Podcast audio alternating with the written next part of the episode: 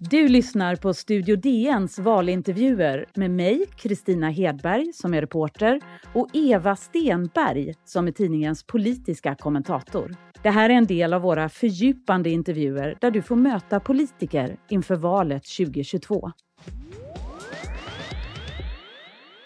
Det är ju roligt att rummen heter eh, precis som man tänker sig att de ska heta. Ja, det, det här huset, jag tycker väldigt mycket om det här huset. Men mest för att så, av samma anledning som Möllevångstorget, det rör sig folk här hela tiden. Och saker heter liksom traditionsenligt, typ så.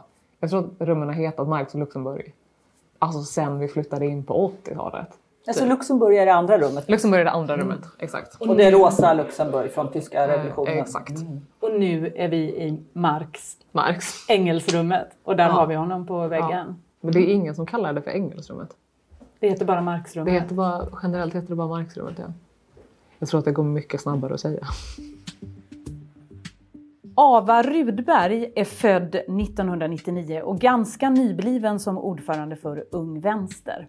Hon tillträdde i början av året med ett tal om kamp och klassklyftor och ett försvar av kommunismen, i alla fall som målbild för medlemmarna. Ava är uppvuxen på den skånska landsbygden och har efter gymnasiet ägnat sig på heltid åt politiken. Ja, Ava Rudberg, är det någonting du vill protestera mot i den där beskrivningen? Nej, det är, jag är uppvuxen på skånska landsbygden och jag tillträdde i våras. Det stämmer väl. Pratas ofta om ett nytt politiskt landskap i Sverige. Kan du beskriva det från din horisont? Absolut. Jag tänker att olika personer menar olika med nytt politiskt landskap. För min horisont tycker jag att vi har ett landskap som eh, dels har en ganska hård ton. Jag tycker att in, det är så internet eh, och internetforum har gjort med tonen i den politiska diskussionen eh, är, är väldigt intressant men också inte helt positiv. Liksom. Jag tänker att den ton som politiska diskussioner har på Twitter till exempel är, är en helt annan än vad man kanske traditionellt är van vid. Ser du det politiska landskapet som ett, eh, en, ett sätt att kommunicera eller du ser inte ett politiskt landskap byggt på nya värderingar eller nya slitningar? Inte bara hur man pratar utan vad man pratar om. Jag tror att det kan handla om båda. Jag tror att jag har eh, lättare, jag tror att jag snabbare till att prata om hur man kommunicerar. Liksom. Men jag tror också absolut att det handlar om att vi har ett samhälls och debattklimat som är präglat av vad jag tycker är en väldigt liberal eh, anda. Vi har en växande höger, eh, högervåg eh, och som absolut har påverkat hur man pratar om diverse politiska frågor och som absolut har, har präglat vad som får fokus i allt från valrörelser till, till det allmänna vardagliga politiska debattklimatet. Vad är så viktigt då för dig så du aldrig skulle kompromissa om så, mäns våld mot kvinnor är en sån fråga som jag tycker är super, super, super viktig. Liksom jag skulle inte kunna kompromissa med att man, typ, eller så, jag vill aldrig någonsin behöva kompromissa med att man så säljer ut typ kvinnojourer. Liksom. Jag tycker vi behöver få mycket mer pengar till kvinnojourerna. Det tycker jag är super, super viktigt.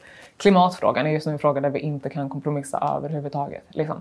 Eh, läget är absolut akut. Liksom. Och jag står absolut på en sida av, av klimatrörelsen som vill ha men, direkt aktion och, och civil olydnad.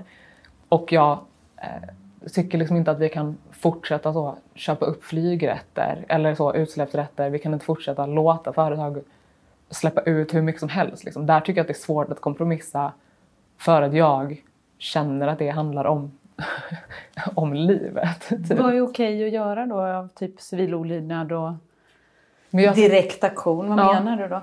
Jag tycker att det är okej att bryta mot vissa lagar. Det är dramatiskt. Vad jag menar är så, jag tycker inte att det är okej att skada. Så.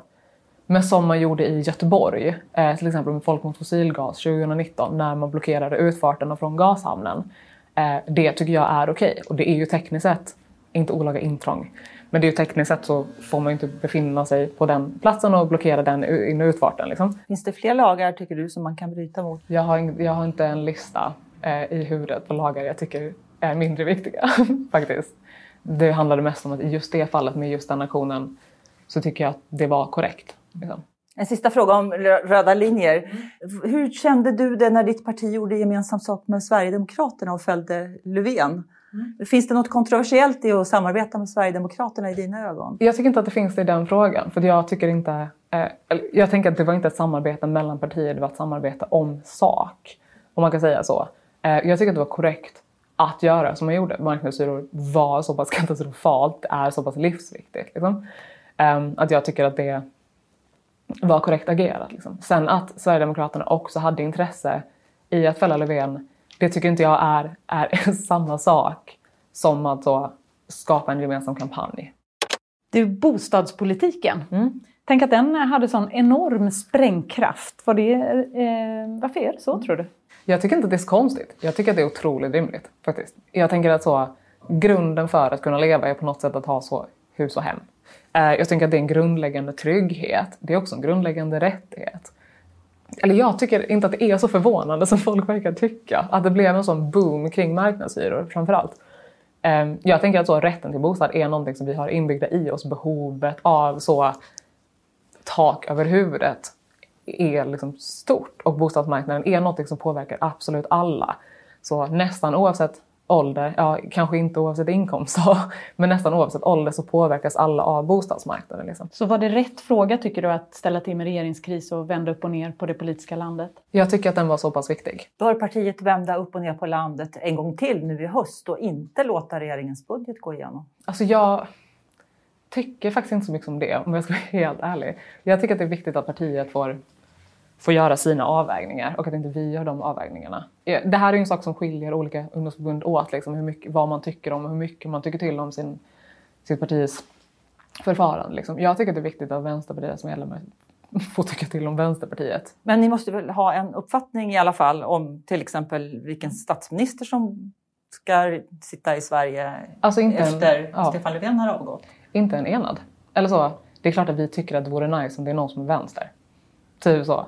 Men jag har faktiskt ingen, alltså, jag har ingen stark åsikt om vem jag tycker borde bli statsminister. Jag tycker bara, eller så, jag vill bara ha en regering som för vänsterpolitik som är bra för folk. Liksom. Eller så, som är bra för gemene man, som är bra för ungdomar. När det gäller budgeten, har du en uppfattning om... Förut så sa ju Vänsterpartiet då att det skulle, om man gör stora skattesänkningar så ska det finnas motsvarande skattehöjningar. Det finns det ju inte i den här budgeten. Det finns skattesänkningar men det finns inte några motsvarande skattehöjningar. Är det rätt att släppa igenom en sån budget då? Alltså återigen, jag tycker att Vänsterpartiet får agera på det de sätt de vill agera. Liksom. Jag är mindre intresserad av budgeten än vad jag är av den organisering som sker liksom, av unga i, i vardagen. Och det är kanske ett opopulärt svar när man har det jobb som jag har. Liksom. Men jag bryr mig jättemycket mer om så, vad som händer i en klubblokal, vilken demonstration som anordnas, vad, så, vem som driver ett initiativ på sin skola, än vad jag gör om budgeten. Och jag tycker att budgeten är viktig, men jag har faktiskt inte en så samlad åsikt om det. Men i budgeten finns ju den här bostadspolitiken som du talade så engagerat om alldeles nyss till exempel. Och, och, det finns ju också klimatpolitik som du talade väldigt engagerat om.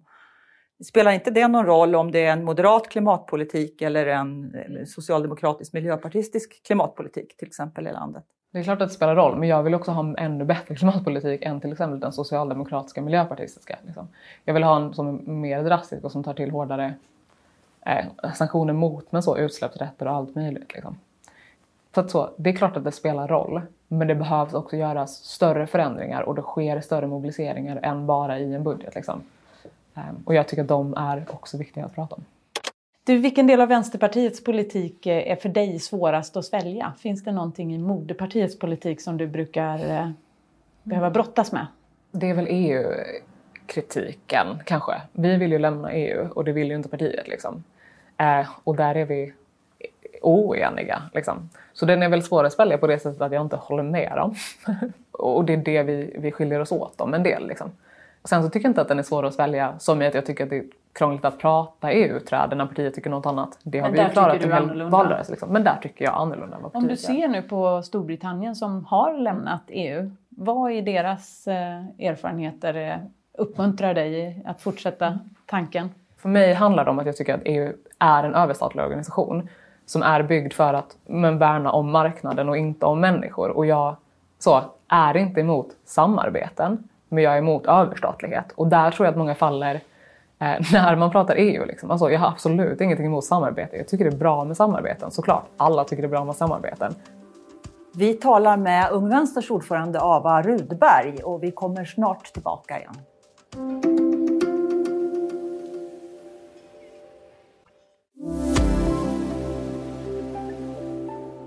Välkommen tillbaka. Vi talar med Ung Vänsters ordförande Ava Rudberg.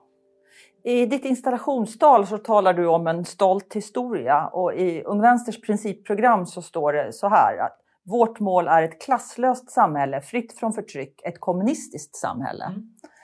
Eh, kommunistiska regimer har ju historiskt legat bakom massmord och åsiktsförtryck. Eh, hur kan det vara ett mål? Det är ju kanske inte den historien jag refererar till där, utan jag refererar väl till en annan historia, en historia av, av organisering, liksom välorganiserad organisering. Så, jag tycker man måste prata om de andra orden i den meningen också. Eh, så ett samhälle fritt från alla former av förtryck. Det är det som är målet. Liksom. Så. Sen så förstår alltså jag förstår verkligen att folk har väldigt många känslor om ordet. Och jag tycker absolut att det är rätt att ha många känslor om ordet. Liksom. Det är ett ord som är demokratiskt framröstat av våra medlemmar. Men det är också teoretiskt ett ord. Liksom. Det vi vill ha är ett samhälle fritt från alla former av förtryck. Liksom. Och det handlar också mycket om det andra vi pratar om. Det handlar om klassamhället som stort. Det handlar om arbetsrätten. Det handlar om bostadsrätten. Det handlar om allting från så hur viktigt det är att vara antirasistiskt organiserade till feministiskt organiserade. Liksom. Jag tycker att det som är allra viktigast är alltid vad, vad en organisation eller ett förbund gör. Och om man faktiskt agerar eller så, på ett sätt som gör samhället bättre. Liksom. Eh, och där tycker jag ju såklart att vi gör det. Liksom. Jag tycker att vi är bra på att organisera bostad. Framförallt tycker att vi är bra på att organisera unga i deras vardag. Eh, och det är alltid där eh, vi kommer ha fokuset. Liksom. Varför ska man slåss för ett ord om, om det är många som tycker att det är ett hemskt ord eller man förknippar det med någonting hemskt? Om det nu bara är ett ord. Ja. Jag tänker att en del av det handlar om att det kanske bara är ett ord. Så det här är någonting vi har pratat om i väldigt många år. Det här är någonting våra medlemmar har kommit fram till är ordet de vill ha. Liksom. Och jag tycker att det också är viktigt att värna om demokratiskt fattade beslut. Liksom. Jag tycker att det finns långt mycket mer intressanta skrivelser i vårt principprogram att prata om. Liksom. Jag tror att många unga idag inte heller bryr sig om så vad som står i ett ord. Jag tror att många unga idag, och vi organiserar främst unga, bryr sig om vad man gör. Liksom. Men det låter som att du personligen kanske inte hade velat ha det ordet i partiprogrammet? Eller principprogrammet? Nej, alltså jag tycker inte att det spelar någon roll vad jag tycker. Liksom. Oavsett vad jag tycker om ordet så tycker jag att det är viktigt att vi beslutar om de här sakerna tillsammans. Liksom. Eh, jag tycker att det är viktigt att det är en förbundsmedlemmar som beslutar vad som står i dess principprogram. Liksom. Men vad är skillnaden då på de medlemmar eller er som förbund som slåss för det här ordet och de människor som säger att de vill slåss för att kunna säga n-ordet till exempel? Även om folk tar, tar illa upp av det. Dels så tänker jag att det finns en stor skillnad i hur orden historiskt har använts, absolut. Liksom så. Jag tänker att det finns en väldigt lång rasistisk tradition bakom n-ordet och jag tänker att det är två olika samhällsbaserade diskussioner. Liksom. Sen så ser ju inte vi heller historien som en guide och det kanske man ska påpeka. Liksom. Vi strävar ju framåt, vi vill ha ett annat samhälle än vad vi har idag. Vi vill inte ha ett samhälle som har funnits heller. Liksom. Vi vill ha ett samhälle som är fritt från förtryck. Vi vill ha ett, så, ett jämlikt samhälle där alla har samma förutsättningar, där alla har samma rättigheter, där alla har möjligheten att syssla med det de vill Men jag tänker ha, den liksom. kampen måste väl gå föra utan att använda ett ord som provocerar och står i vägen och som många förknippar då med förtryck. Mm. Det går den säkert att göra. Um, men... men ändå är det viktigt för era medlemmar att ha med just det ordet. Det är det jag letar efter, varför det är så viktigt. Jag kan inte svara på varje enskild medlems argumentation kring det heller. Liksom. Folk tycker väldigt olika i vårt förbund. Vissa personer eh, kanske kallar sig för kommunister, andra personer gör inte det. Eh, det som är viktigt är på något sätt att vi har enats kring någonting större eh, än bara så vad vi kallar oss själva ideologiskt. Poängen med alla ungdomsförbund, med alla organisationer, även oss, är ju att vi tycker många olika saker men har enats kring att så, vi vill ha ett samhälle som är bättre. Vi vill ha liksom, eh, en bostadsmarknad som kanske inte är rasistisk, vi har en bostadsmarknad som är jämlik. Vi vill ha eh, ett aktivt arbete mot mäns våld mot kvinnor. Vi vill ha en skola som faktiskt är bra för oss. Eh, vi vill ha ett samhälle som inte är byggt på de som tjänar storkovan när vi, måste, eh, när vi tjänar småkornen. Liksom. Kallar du dig själv för kommunist? Jag brukar inte kalla mig för kommunist. Jag brukar säga socialist.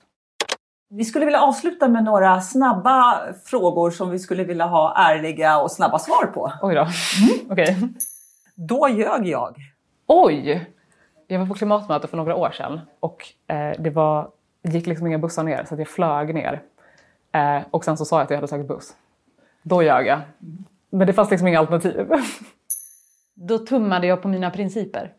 Gud, jag har verkligen inga roliga svar åt dig. Jag åt kebab häromveckan och är vegetarian. Då blev jag impad av en politisk rival. Mm, kul. Jag tror att jag har, jag har nog inte ett specifikt tillfälle som är en situation, men någonting som är ändå ganska återkommande. Är att jag tycker att många av de andra ungdomsförbundsordförandena är väldigt bra på sina ideologiska principer. Eller vad man ska säga. Jag tycker att de är väldigt bra eh, på att säga exempelvis, men jag är liberal och därför tycker jag att blank. Jag tycker de är väldigt bra på att vara alltså, konsekventa men också tydliga i sina ideologiska analyser. Liksom. Sen så håller jag inte med dem, men jag tycker de är ja, men faktiskt jävligt bra på att prata om det ofta. Då gjorde jag helt om. Jag tyckte att EU var bra en gång i tiden. Och där har jag gjort en liten lov. Då hycklade jag. Ja, det kanske är det här med flygplanen och klimattoppmötet igen. Känns som att nästa kan ligga nära där också. Ja, Då nej. levde jag inte som jag lärde. Ja, det är då va? ja, det kan gå tillbaka till kebaben där också. Då blev jag skadeglad. När mina skithögljudda grannar tappade sin kruka från balkongen. är nog det, det som kommer närmst. Men det är inte så jävla charmigt. Då tvivlade jag. Precis när jag hade blivit vald och kongressen var digital så hade jag en sekund där jag tänkte hur fan ska vi kunna vara en organisation när vi inte ens får stå tillsammans på samma kongress? Då hade jag en sekunds vacklande och sen så ringde typ 50 pers samtidigt och bara nu jävlar ska vi kötta det här året! Typ. Och då tänkte jag att det kommer gå bra där. Men jag hade en sekund, det var väldigt, väldigt orolig innan förbundet täckte upp och visade att det var fan inte behövligt det. Tack Ova Rudberg. Tack själv! Tack så mycket. Du har hört Studio DNs valintervjuer med mig, Kristina Hedberg och Eva Stenberg. Producent Dennis Ylikangas. Exekutiv producent Sabina Marmulakai och ljudtekniker var Patrik Miesenberger och Daniel Costantini. Produktionen görs för Podplay av Dagens Nyheter.